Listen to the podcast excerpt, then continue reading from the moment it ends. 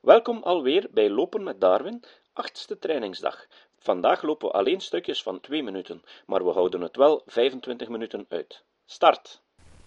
Ook hebben wij gezien dat het de heersende of meest bloeiende soort van een groot geslacht is, die gemiddeld het meest verandert. En rassen, zoals wij in het vervolg zullen zien, trachten in nieuwe en onderscheidene soorten over te gaan. De grotere geslachten streven derhalve om groter te worden, en de kleinere natuur streven die vormen des levens, welke de heersende zijn, steeds om al meer en meer heersend te worden, door vele gewijzigde en heersende afstammelingen voort te brengen. Maar op ene wijze die wij later zullen bespreken, hebben de grotere geslachten ook een neiging om zich in kleinere geslachten te verbrokkelen, en derhalve worden alle vormen des levens in het gehele heelal verdeeld in groepen ondergeschikt aan andere groepen. Niet vertragen. Derde hoofdstuk over de strijd voor het bestaan. De aanleiding tot de natuurkeus. Dit wordt in de uitgestrekte zin gebezigd. Wiskundige toename in getal. Snelle vermeerdering van wezens buiten de natuurstaat. De middelen om de vermeerdering te beperken. Algemene mededinging. Uitwerkselen van het klimaat. Veiligheid door het getal der individuen. Samengestelde betrekkingen tussen alle dieren en planten. De strijd des levens is het hevigst tussen individuen en rassen van dezelfde soort, dikwijls ook hevig tussen soorten van hetzelfde geslacht. De betrekking van het ene wezen tot het ander is van het grootste belang in de natuur. Voordat we tot de behandeling van ons tegenwoordig onderwerp overgaan, moeten we enige opmerkingen maken ten einde aan te tonen hoe het komt dat de strijd voor het bestaan leidt tot natuurkeus. En twee minuten wandelen. In het vorige hoofdstuk hebben we gezien dat er enig individueel verschil is onder de bewerktuigde wezens in de natuurstaat. Ik geloof niet dat men daaraan ooit heeft getwijfeld. Het is voor ons onmogelijk te beslissen of een menigte twijfelachtige vormen, soorten of ondersoorten of rassen geheten moeten worden. Doch het blote bestaan van een individueel verschil, hoe noodzakelijk ook voor de leer der onderscheidingen, helpt ons zeer weinig om te begrijpen hoe de soorten in de natuur ontstaan. Hoe is het ene gedeelte der bewerktuiging zo wonderbaarlijk geschikt geworden voor het andere, het ene wezen zo hoogst geschikt voor het andere? We zien het toppunt van die wederkerige geschiktheid in de specht, zowel als in de vogellijm en slechts weinig minder in de luis die op de haren van een zoogdier of op de vederen van een vogel klimt, in de watertor die in de wateren duikt, in het gepluimde zaadje dat door de zwakste bries over de velden zweeft, in één woord, we zien de schoonste geschiktheid voor zichzelf en voor elkaar, overal en in elk gedeelte van het bewerktuigde leven. Hoe gaan de rassen, die wij wordende soorten genoemd hebben, eindelijk over tot ware en onderscheidene soorten, welke in de meeste gevallen veel meer van elkander verschillen dan rassen van een soort zulks doen. Hoe ontstaan die groepen van soorten, welke datgene vormen het welke wij gewoon zijn onderscheidene geslachten te noemen, en die veel meer van elkander verschillen dan de soorten van eenzelfde geslacht? Dit alles, we zullen het in het vervolg bewezen zien, is een gevolg van de strijd om het bestaan. In die levensstrijd zal elke wijziging, hoe klein ze ook zijn mogen, of door welke oorzaak ontstaan, indien ze slechts ten voordele is van het individu, steeds de strekking hebben om dat individu behouden te blijven, en ook zal ze gewoonlijk door zijn nakomelingen geërfd worden. Twee minuten lopen. Ook die nakomelingschap zal dus meer kans hebben om bestaande te blijven, Immers, van de vele individuen van een soort die voor en na geboren worden, kan slechts een klein getal in leven blijven. Ik heb dat beginsel, waardoor elke geringe wijziging, als ze slechts nuttig is, bewaard blijft, de natuurkeus geheten. Zowel ter onderscheiding als om de overeenkomst met de macht van de mens in het doen van een keus met de kunstkeus aan te duiden. We hebben gezien dat de mens door zijn keus grote dingen kan doen, en dat ze daardoor bewerktuigde wezens voor zijn doel weet geschikt te maken, namelijk door steeds zulke kleine maar nuttige verscheidenheden en wijzigingen uit te kiezen, als hem door de hand der natuur worden aangeboden. De natuurkeus is, zoals we later zullen zien, een macht steeds tot handelen vaardig en gaat de zwakke pogingen van de mens even onmetelijk ver te boven als de werken der natuur die van de kunst te boven gaan. We willen nu die strijd om bestaande te blijven enigszins nauwkeurig beschouwen, hoewel er in mijn volgend werk meer uitvoerig over gesproken zal worden.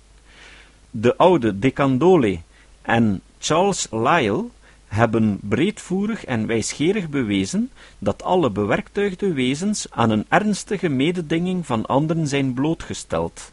Ten opzichte van de planten is dit voorwerp door niemand met zoveel bekwaamheid behandeld als door W. Herbert.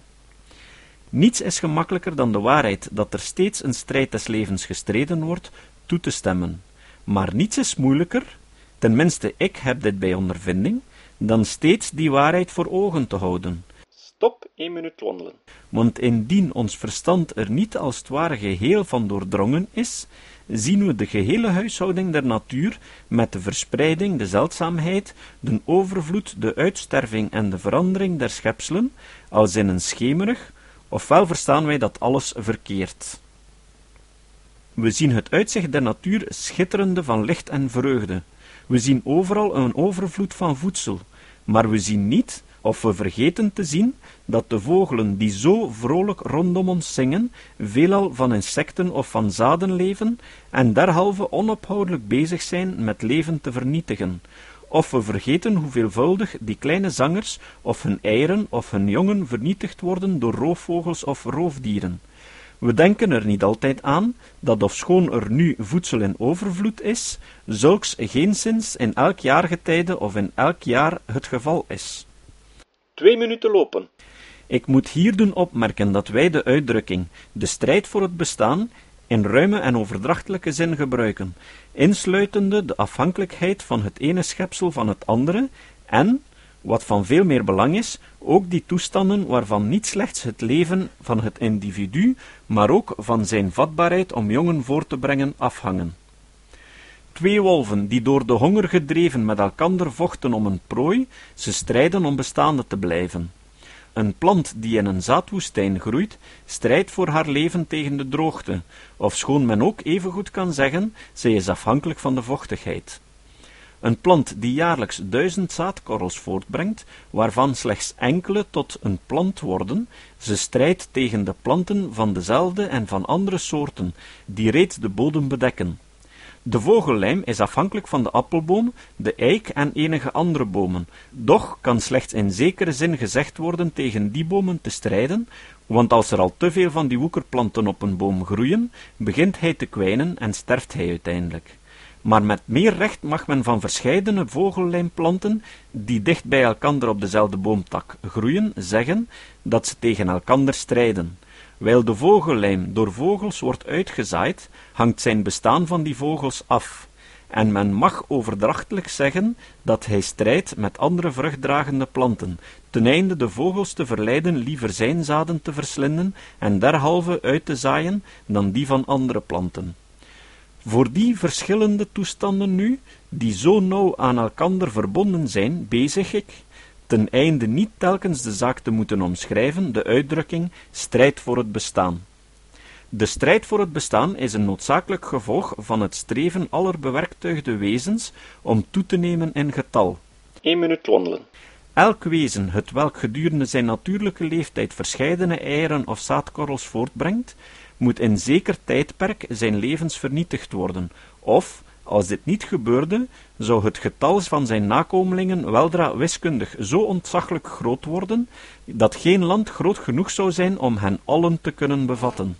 Daarom, als er meer individuen worden voortgebracht dan bij mogelijkheid in het leven kunnen blijven, moet er onvermijdelijk een strijd om bestaan te blijven ontbranden. Een strijd van het ene individu tegen het andere van dezelfde soort, of tegen de individuen van andere soorten, of tegen de natuurlijke voorwaarden des levens. Dit is de leer van Malthus, toegepast op het dieren- en op het plantenrijk. Want als dat het geval is, kan er nog door een kunstmatige vermeerdering van voedsel, nog door een voorzichtige beperking van de paring, hulp geboden worden. En, ofschoon enige soorten meer of min in getal mogen toenemen, niet met allen kan dat het geval zijn, want de wereld zou te klein zijn om allen te bevatten. Twee minuten lopen. Er is geen uitzondering op de regel dat alle bewerktuigde wezens op natuurlijke wijze zo sterk trachten toe te nemen in getal, dat, als ze niet vernietigd worden, de aarde weldra door de afstammelingen van één enkel paar geheel overdekt zou zijn.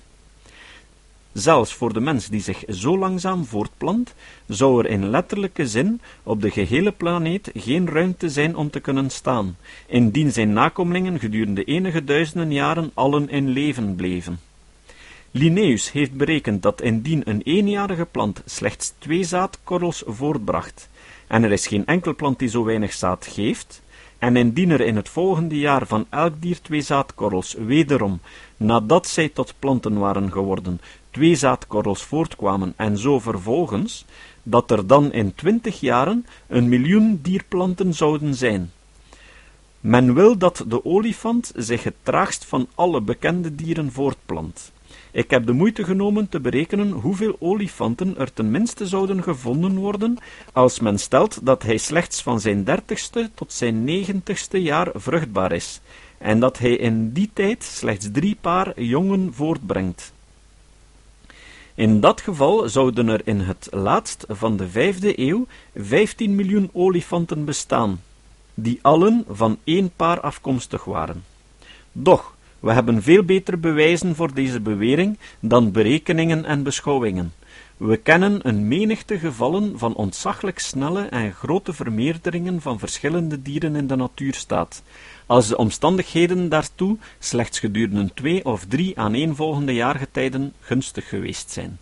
En een nog grotere indruk maakt op ons hetgeen er in verschillende gedeelten der aarde voortvalt met onze tamme dieren, als ze weder verwilderen. Eén minuut wandelen. We zijn al halfweg deze training.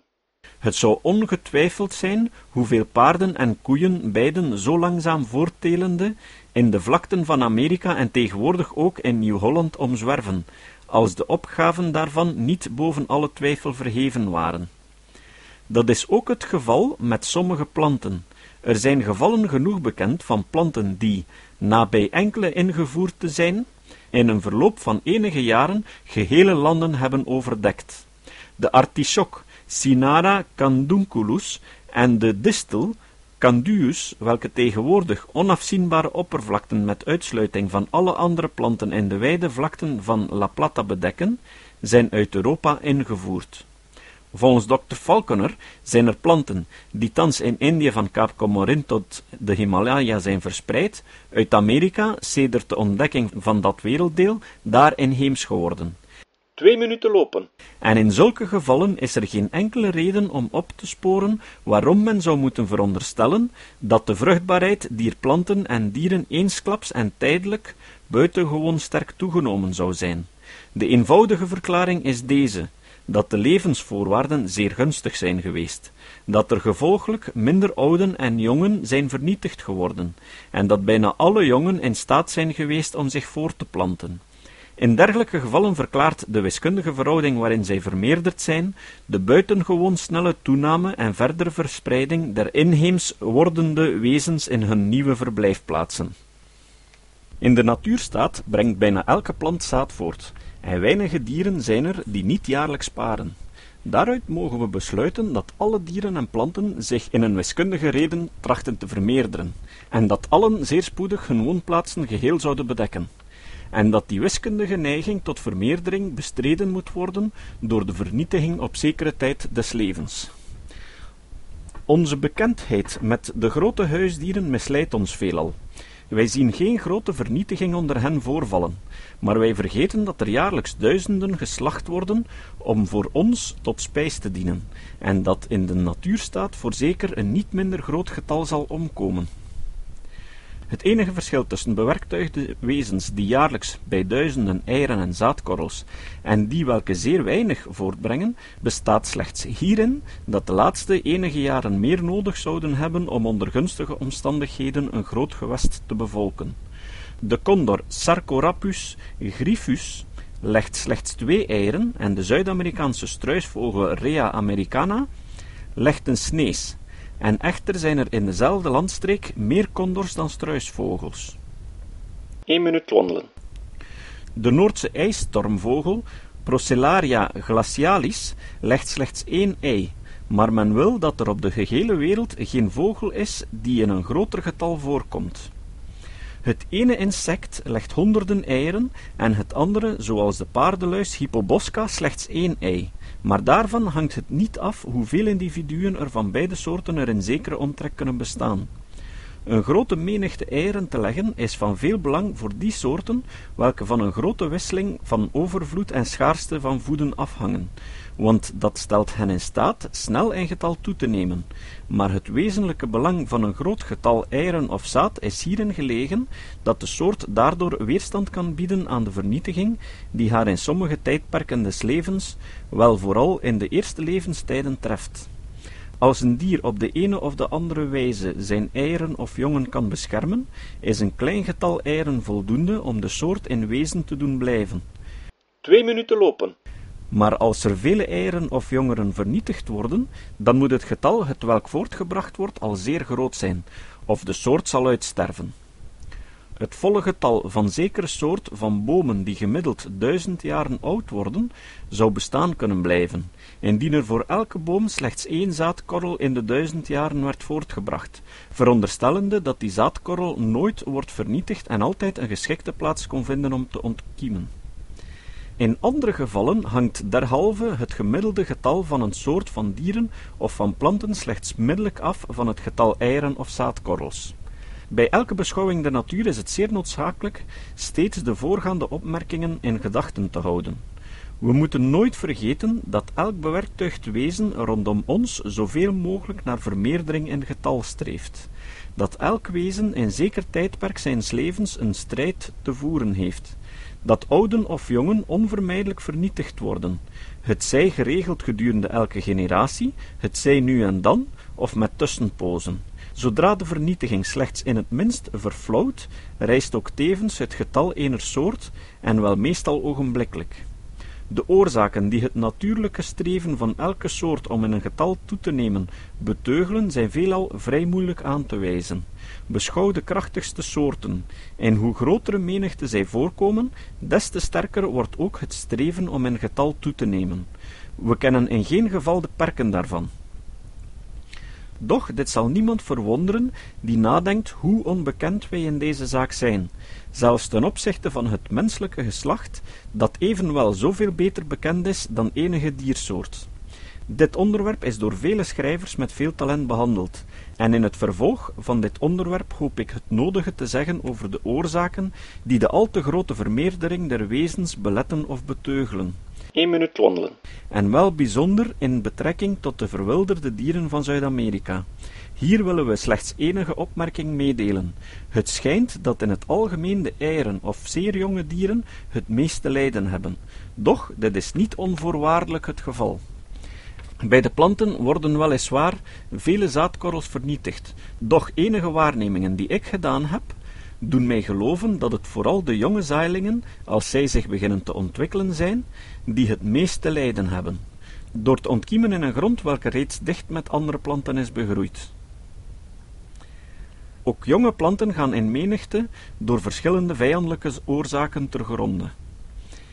Ik zonderde een stuk gronds, drie voet lang en twee voet breed, af, spitte het om en zuiverde het van alle planten, zodat er geen mogelijkheid bestond dat de zaailingen, welke op die plek zouden opslaan, door andere planten verstikt konden worden. Twee minuten lopen.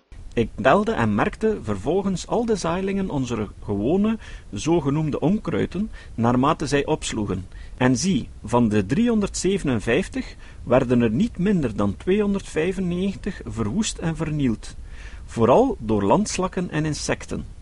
Als ene weide kort gemaaid en ook eveneens als zij door het vee zeer kaal gewijd is, en zij vervolgens aan zichzelf wordt overgelaten, dan zal men zien dat de krachtigste planten langzamerhand de zwakkeren en de kleineren doden, hoewel de laatsten volwassen zijn. Van twintig soorten die op een klein plekje drie voet breed en vier voet lang groeiden, heb ik gezien dat er negen soorten stierven door het welig opschieten van de overigen. De hoeveelheid voedsel voor elke soort bepaalt de natuurlijke grens tot welke zij zich in getal kunnen uitbreiden. Doch zeer dikwijls is het niet de mogelijkheid om voedsel te kunnen verkrijgen, maar wel of de soort zelf tot voedsel voor andere wezens verstrekt, het welk het getal van ene soort bepaalt. Bijvoorbeeld, er is geen twijfel aan of het getal van hazen en patrijzen is afhankelijk van de uitroeiing van roofdieren.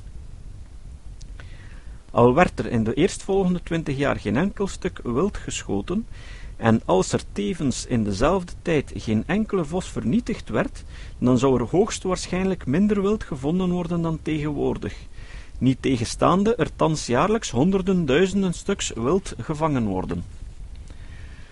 Aan de andere kant zijn er ook dieren zoals de olifant en de neushoorn die niet door roofdieren gedood worden. Zelfs de tijger in Indië durft zelden een jonge olifant die door zijn moeder beschermd wordt aanvallen. Ook het weer speelt een grote rol in de bepaling van het getal van dieren van een soort. 1 minuut wandelen. Ik geloof dat zeer koude of zeer droge tijden wel in de eerste plaats onder de middelen der beteugeling van een al te grote vermeerdering genoemd mogen worden. Ik houd het ervoor dat de winter van 1854-1855 vier vijfden van de vogels op mijn landerijen heeft vernield, en dit is een ontzaglijk sterke vernieling, als we bedenken dat 10% een buitengewone grote sterfte is gedurende een epidemie onder de mensen. De invloed van het klimaat schijnt in de eerste opslag niets te maken te hebben met de strijd voor het bestaan, maar in zoverre als het klimaat vooral werkt op het verminderen van het voedsel, heeft het dus wel degelijk aanleiding tot een der hevigste strijden tussen de individuen, het zij van dezelfde of van een verschillende soort, die van hetzelfde voedsel moeten leven. En als het klimaat onmiddellijk werkt, zoals door zeer strenge koude, dan zullen die dieren het meeste lijden hebben welke het zwakste zijn, of welke reeds enige tijd tevoren gebrek aan voedsel hebben gevoeld. En voor de laatste keer, twee minuten lopen.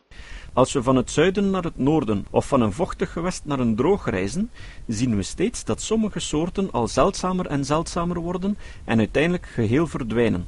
En, wijl het verschil en de afwisseling van het klimaat duidelijk te bespeuren zijn, worden we zeer genegen om dat alles aan de onmiddellijke invloed van het klimaat te wijten.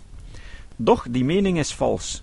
We vergeten dat elke soort, zelfs waar zij het overvloedigst aanwezig is, standvastig aan een zeer grote vernieling in zekere tijdperken van haar leven is blootgesteld.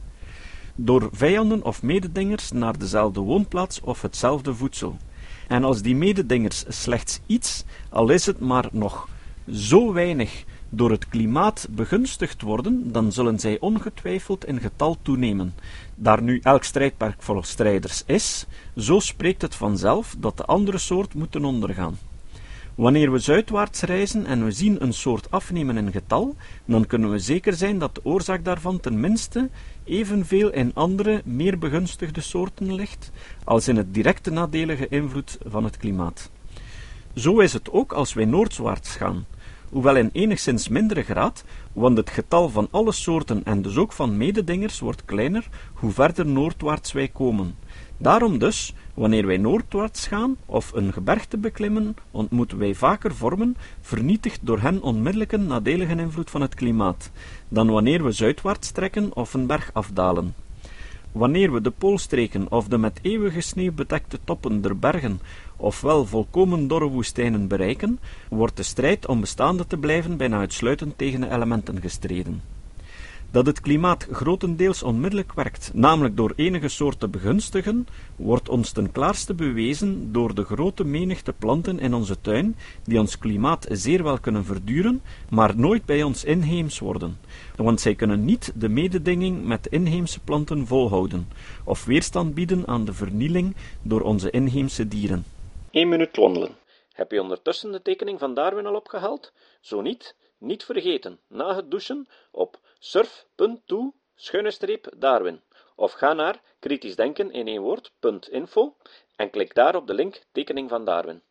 Goed zo. Het zit er weer op voor vandaag. Morgen rustdag en overmorgen zullen we onze grenzen weer een beetje verleggen.